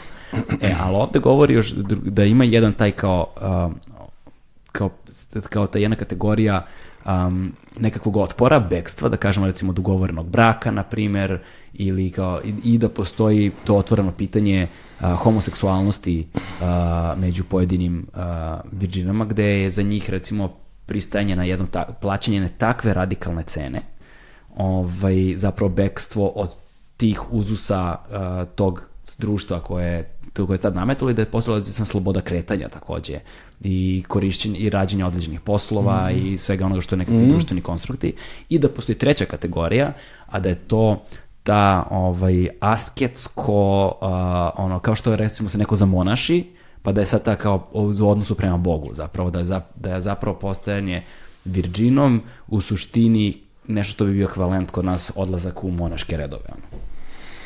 Uh, iz odnosa prema Bogu mm. i prema religiji, da su zapravo religiozni razlozi. Uh, Sad ne znam koliko oni danas postoje, ali samo ne, ne, to je pitanje čak i u, i u, i u prošlosti i zapravo mislim da se takva podgrupa ono Virgina jednostavno ono ne postoji. Da, postojalo je u Severnoj Albaniji i na Kosovu, naročito u Severnoj Albaniji, još tamo negde ono 18. veka jedan proces ono franjevačke pokušaje ili franjevačkog prozelitizma e, nastala je tokom tog razdoblja nekakva kategorija je li ono svetovnih monahinja odnosno devojaka koje žive kao monahinje, ali ne u manastirima, već ostaju u svojim kućama, to nema veze sa ovim, jer to ni na koji način ono ne remeti tu klasičnu rodnu šemu. Znači, te osobe nikad nisu bile tretirane kao nešto drugo, doli devojke koje ostaju u roditeljskoj kući iz ljubavi prema Bogu. Koliko je takvih slučajeva moglo biti, to čak ono nisam, nisam, nisam ni siguran, to zahteva ozbiljnu vrstu arhivskog istraživanja u sredinama u kojima arhivi ne postoje. Da, da. Tako da to je ono kao potpuna a besmislica. Da. A ova dva motiva gde se za nastanak Virđine proglašava ili to raskidanje ono veritbe, odnosno želja da se ne stupi u brat sa konkretnim čovekom, sa konkretnim verenikom sa kojim je ta veza jeli dogovorena čak možda često i pre rođenja, nekog subjekta, odnosno nekih subjekata koji treba kasnije da sklope brak, e, to ima smisla u običajno pravnom poredku, jeli, i naročito Albanaca, ali i Srba etničkih Srba, pa sad da li su, da li su nacionalno crnogorci, i u Crnoj Gori, da kažemo, i da. na Kosovu, među pripadnicima oba naroda, e, postoje takvi primjeri s tim što su kod albanskog etničkog življa daleko da kažemo, duže se sačuvali i institu, institucionalno obavezni. Da samo napomenemo da se to desilo zapravo mm. kroz uh, taj njihov kanun, odnosno kanon, koje to je neko kodifikovano običajno pravo takozvanog Leki Dukađinija, koje oni imaju? Ma, imaju i kanuni Skenderbegut i tako to je, znači ono zavisno kad je ko, treba tu vrlo sa običnim pravom treba biti veoma, veoma mm. oprezan e, jer se zapisuju i formulišu kao zakonske odredbe običajno pravo svuda funkcioniše na, na principu ponavljanja presedana. Mm -hmm svaki običajno pravni sudija, čak i danas na Kosovu, mora da razmatra veoma, veoma konkretne slučajeve kao da su jedinstveni i u tom smislu svaki od njih je jeli, novi presedan u pravnoj istoriji. E, onog časa kad se nešto stavi na papir i kad se formalizuje kao odredba, to više nije to. Znači, običajno pravni sistem, kad kažete kanun leke, kad kažeš kanun leke Dukađinija, e, to deluje kao da je nekakav građanski ili krivični zakonik. ne, ne, ne, on nije to i ne može biti to i na kraju krajeva vrhunac te pravno-istorijske škole koja je bila dosta važna u, u 19. veku, ne vezuje se za kanon Leke Dukađinija, vezuje se za crnogorski opšti imovinski zakonik, odnosno za običajno pravna pravila koja je sakupio, registrovao i uobličio e, veliki, najveći pravni istoričar svih vremena ili odnosno najveći pripadnik te škole svih vremena Valtazar, Valtazar Bogičić. Znači, To je bio opšti imovinski zakonik Knjaževine Crne Gore, mm -hmm. zasnovan ono na običajno pravnim pravilima, ali ne prepisana običajna pravna pravila. Mm, tako da kanun Leke Dukađinija kao pisani dokument i kao kao zbirka mogućih rešenja koja se usmeno ono jeli ono prenose i povremeno reaktualizuju ne nema ne može imati smisao zakona i jednostavno to danas ono medijske predstave o tome su kao i u većini drugih slučajeva simplifikovane ali da. ne ne ti ti delovića koji se odnose na Virđine i koji ti kao propisuju kako se postaje Virđina su najobičnije, ono, je li ono uzgredne, naknadno nakalemljene ono, gluposti, zato što celokupno na sve što znamo o tome sugeriše da tu nema nikakve institucije i da je svaki slučaj, bez obzira što su slični kao ja i ja etu, da je zapravo svaki slučaj jedinstveni, ne uklapa se ni u, Tako kakvo, je. ni u kakvo društveno pravilo. I...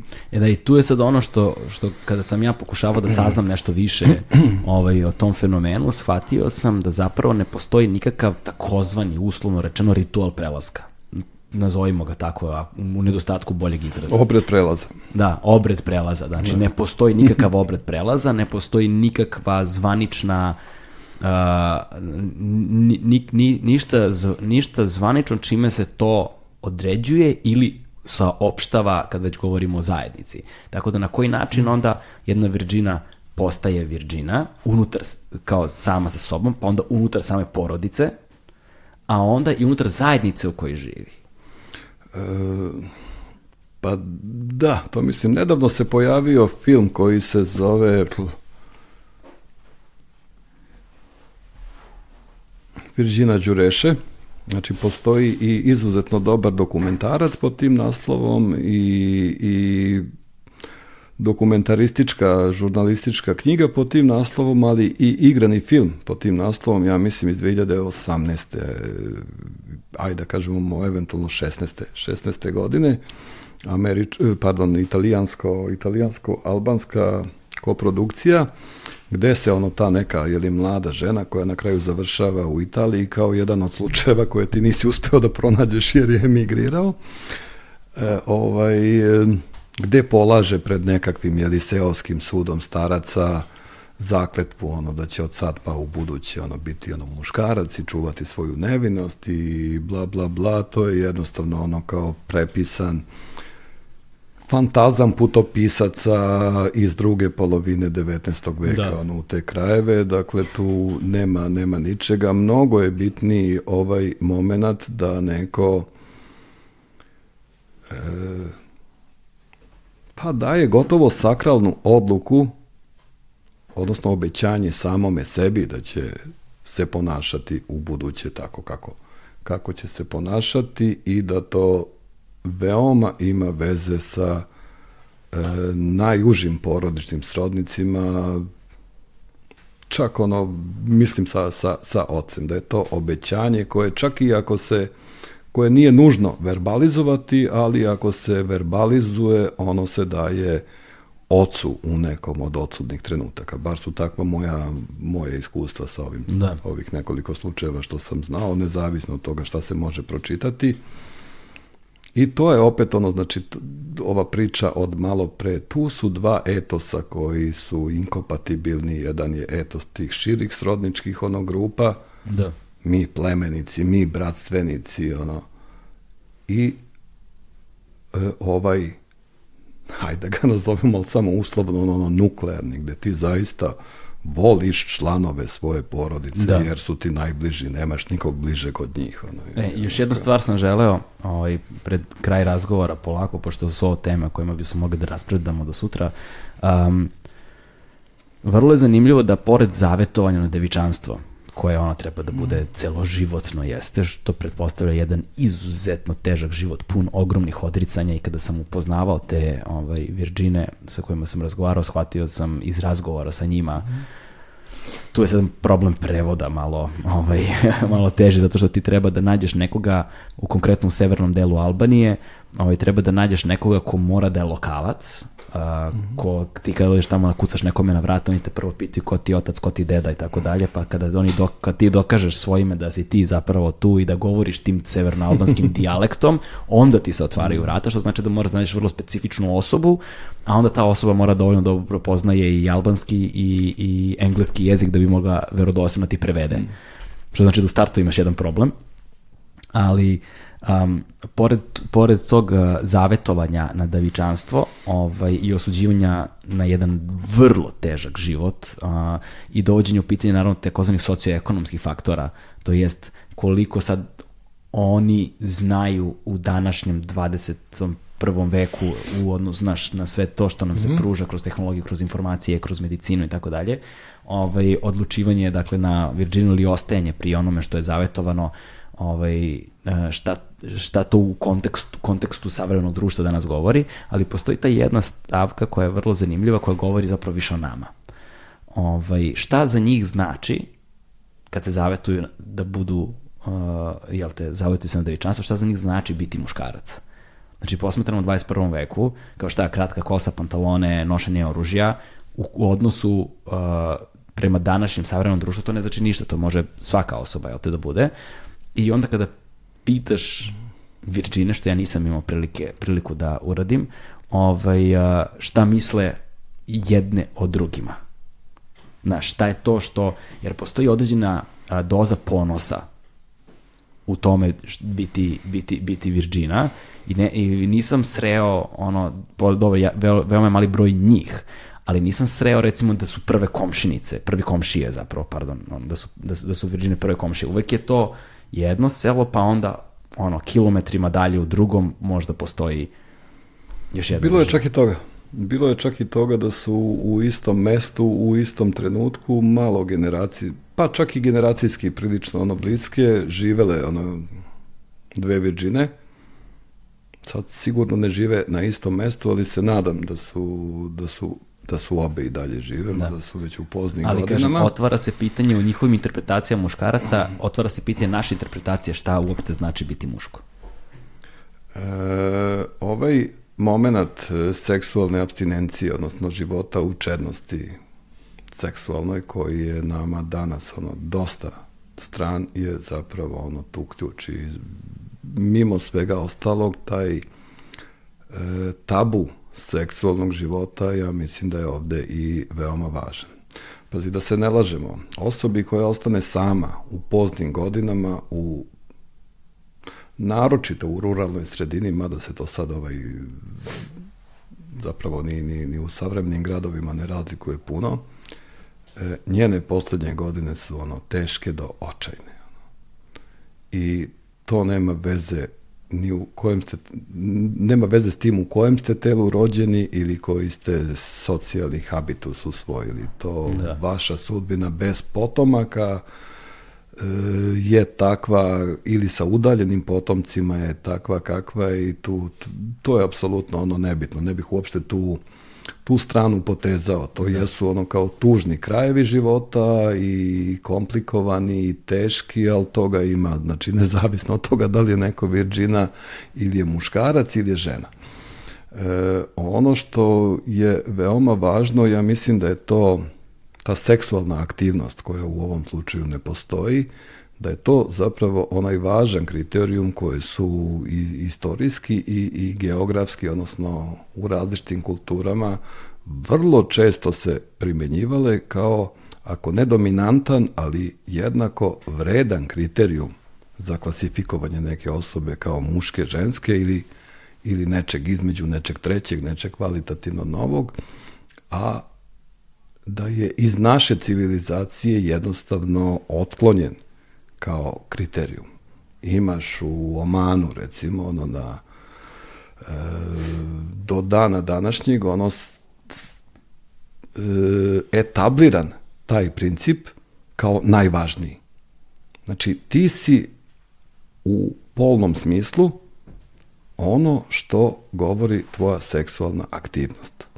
Znači, možeš imati e, penis, ali ako se ponašaš kao žena, ti ćeš biti džanit. Onog časa kad prestaneš e, da budeš seksualno aktivan sa muškarcima, pa pređeš na žene ili se vratiš ženama, e, društvo će te reklasifikovati i opet ćeš biti ono najobičnija žena, jeli, ili najobičniji, e, pardon, bit ćeš najobičniji muškarac. I ti to možeš da radiš periodično, teoretski, nebrojeno puta. Teoretski? Teoretski, da. Kad stupaš u seksualne odnose kao muškarac sa muškarcima i pri tome e, nisi homoseksualan na ovaj način, jeli, na koji pri tome i promeniš i spoljašnji izgled, e, onda ćeš biti džanit. Kad prestaneš da spavaš s muškarcima i počneš da koristiš jeli, svoj polni organ koji ti je prirodom ili od Boga dat sa ženama, bit ćeš žena i muškarac. Kažem, bit ćeš muškarac i kažem teoretski to bi moglo da se da se menja gotovo iz dana u dan, odnosno pre, pre, pre, prema svakom tvom seksualnom činu. Je sad naravno da u praksi ne može tako nešto da se realizuje, ali nam govori znači o tom e, kriterijumu seksualne orijentacije kao o veoma važnom kriterijumu u nekim drugim istorijskim periodima i u nekim drugim kulturnim i društvenim okolnostima koje su nama ili nepoznate ili smo ili smo jednostavno na njih, na njih zaboravili. Je sada, a, kada govorimo sa kult, kulturni aspekt, a, dakle Virgina na ovim prostorima, šta bi bio njihov ekvivalent u drugim kulturama, posebno danas i možda u Evropi da li postoji?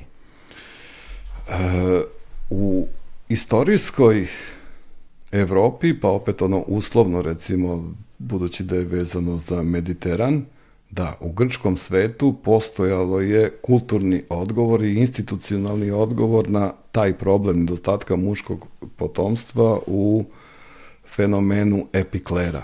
Uh -huh.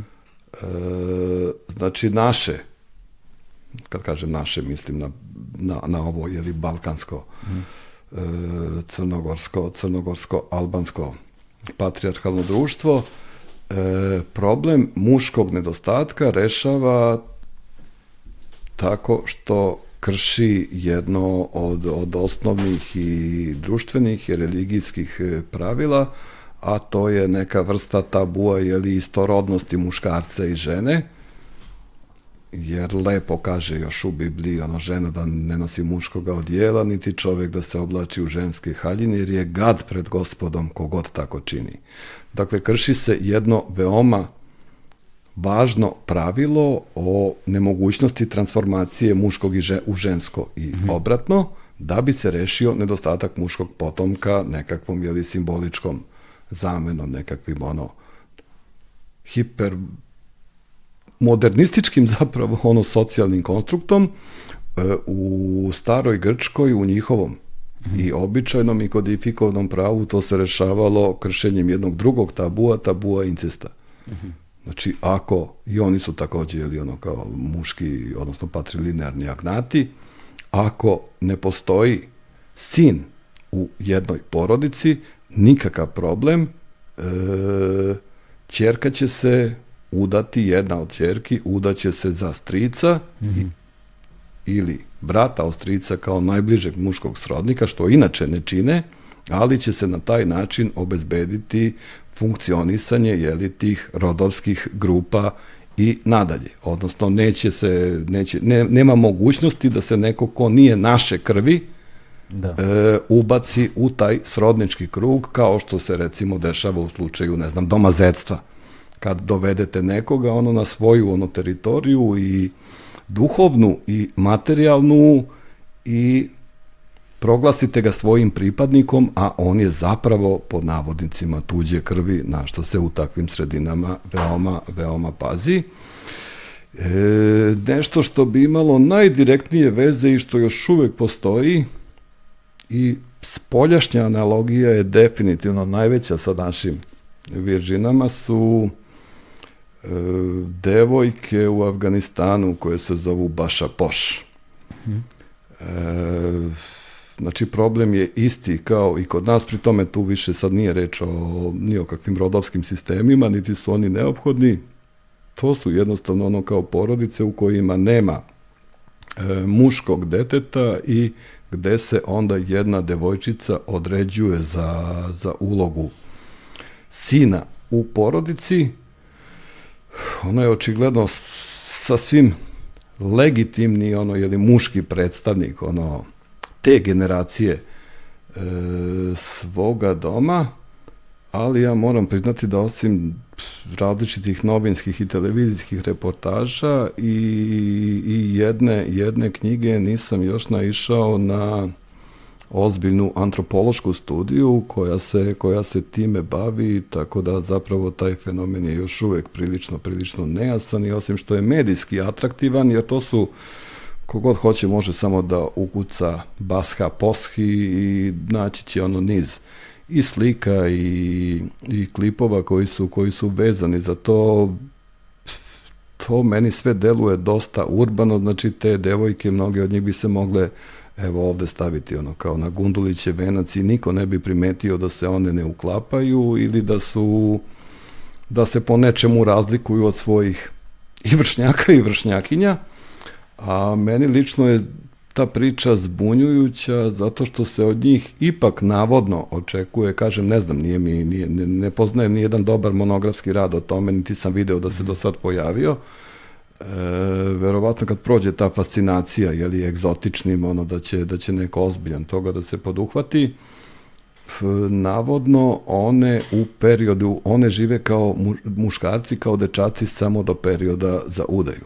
Aha. E sad kako neko zamišlja da će se osoba koja je rođena kao žensko, socijalizovana i rasla kao muško, e, odjednom rekonvertovati li ono u, u žensku osobu u trenutak kad dođe do, u onom trenutku kad dođe vreme za udaju po tamo nekakvim kulturnim standardima to mi nije jasno to je kao da postoji ono institucija koja bi trebalo da pravi, pravi zaista ono šizofrenične slučajeve ono da. Naša, koliko znam, nijedno društvo u istoriji nije se trudilo da sistematski gaji šizofrenike. I to pitanje može da bude otvoreno u zavisnosti od interpretacije. Eto. Predraže, hvala ti puno. hvala tebi što si me pozvao. hvala ti puno, hvala ti puno na ovom uh, iscrpnom i veoma informativnom razgovoru. Ovaj, uh, Izvini, ovo nije bio informativni razgovor ni u kojem smislu. U srpskom jeziku ta sintagma ima vrlo jasno značenje, tako da ne, ovo nije bio informativni razgovor. da, i mi nismo policija. da kažemo informisani razgovor. Informisa, informisani razgovor, da. Hvala ti puno, ovaj, mi smo stigli do kraja, pozdrav svima koji su nas pratili, koji su nas slušali, koji su nas gledali, a, možete podržati naš podcast preko Paypala, jednokratna donacija mesečnim pretplatama preko Patreona i to je to, stigli smo do kraja, hvala vam puno, ćao.